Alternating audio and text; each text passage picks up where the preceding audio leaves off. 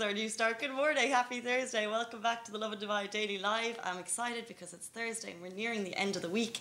Uh, as usual, we'll bring you all of the cool things to do in Dubai this weekend. We're also going to take you through a very heartwarming video that His Highness Sheikh Mohammed shared. But first of all, and I think the reason a couple of people will tune in today is because we're talking about the coronavirus.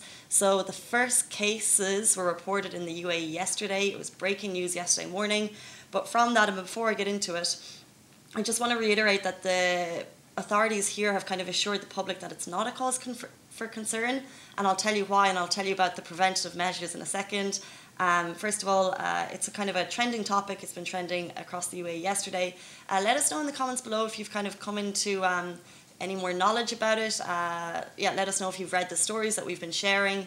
So, kind of globally, the death toll has risen to 170. So, um, of course, people are concerned, residents are worried, uh, and today, the World Health Organization is meeting uh, to figure out if they're going to kind of move it up to a global health emergency. And at the same time, the 7,700 cases have been reported.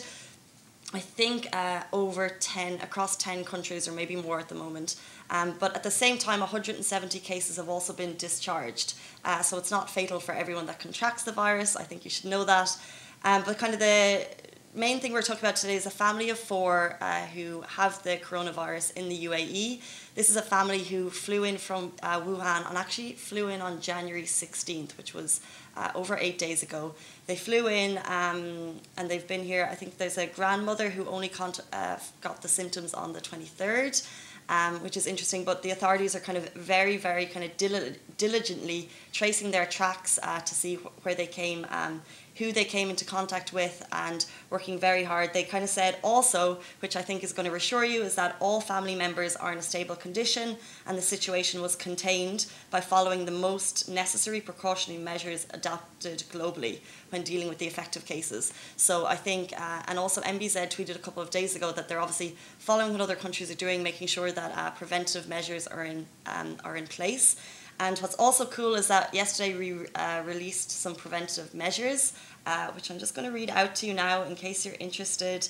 Uh, number and this also kind of may uh, soothe your concerns. So, evidence indicates that the virus is transmitted um, between humans, and but avoid contact with animals, live or dead. Avoid contact with people with respiratory problems, and then also something I just thought was kind of stood out. Most of the cases have had exposure to a large seafood or animal market, um, which I just thought was interesting. But uh, so this was the Ministry of Health and Prevention. They have released uh, these flyers, which you can get on Lovin Dubai. Um, and actually, also for all of this news, you kind of want to get it directly from the source. So um, WAM, which is the government news agency, they're kind of being really up to date. You can check some news on Dubai Media Office um, to get kind of the most recent relevant news if you're concerned. Um, but like I said, and I'll say it again, uh, the ministry has assured the public about the general health situation, emphasising it's not a cause for concern in the UAE at the moment. There's four cases confirmed, um, and that's kind of the latest updates that we have. Any more information, maybe we'll drop it into the comments below as the day goes on, and of course, you can find it on Lovin Dubai, and we'll share it on Facebook and Instagram. Moving on to kind of a lighter note, um, this, uh, which I think is really, really amazing. His Highness Sheikh Mohammed bin Rashid Al Maktoum, the UAE's Vice President, Prime Minister, and ruler of Dubai, um, he tweeted a, a, video yesterday, which you can see beside me. I'm going to see if we can get the sound up, just maybe for like 10, 20 seconds, um, just to show you before we get into it. Richie, can we? صباح الابتسامة أحمد شحالك ابتسامة وين ابتسامة؟ أشوف أوه بردان We hope so. يا مرحبا عبد الله شحالك أمي يا صباح الورد Okay. So, guys, this is kind of a regular school morning. A teacher videoed her kind of kids coming into class. She's kind of saying encouraging words, um, kind of greeting them with a bit of optimism. And I just think it's amazing because His Highness shared it and he's actually searching for the teacher in this video. I think he wants to praise her because it's so important for kids starting morning, going to school. Like, can you remember your first teacher? Can you remember kind of the brilliant moments or the sad moments? Richie, do you remember some kind of nice, cute moments on your way to school or your first teacher who kind of had an impact on you? Ooh, Arabic teacher. Oh, yeah? Yeah. Why was that? Because she pulled my ear. Which just like, because she pulled my ear. In a like a cute way or a. In a bad way. Did you need that though? Uh, I don't think I Okay. needed it. Interesting. Well, I think it's really interesting how Richie said he didn't think he needed it. I think it's interesting how these teachers can have an impact on you because I definitely remember um, my favorite teachers growing up. I remember my least favorite teachers growing up. I remember the ones who I thought treated me unfairly, and then I also do remember ones, especially as I get older, that maybe built me up. And I wonder if you guys have kind of the same impression. And His Highness Sheikh Mohammed, we know, is uh, he actually put on the Global Teacher Award, which gives a huge prize every year to teachers internationally.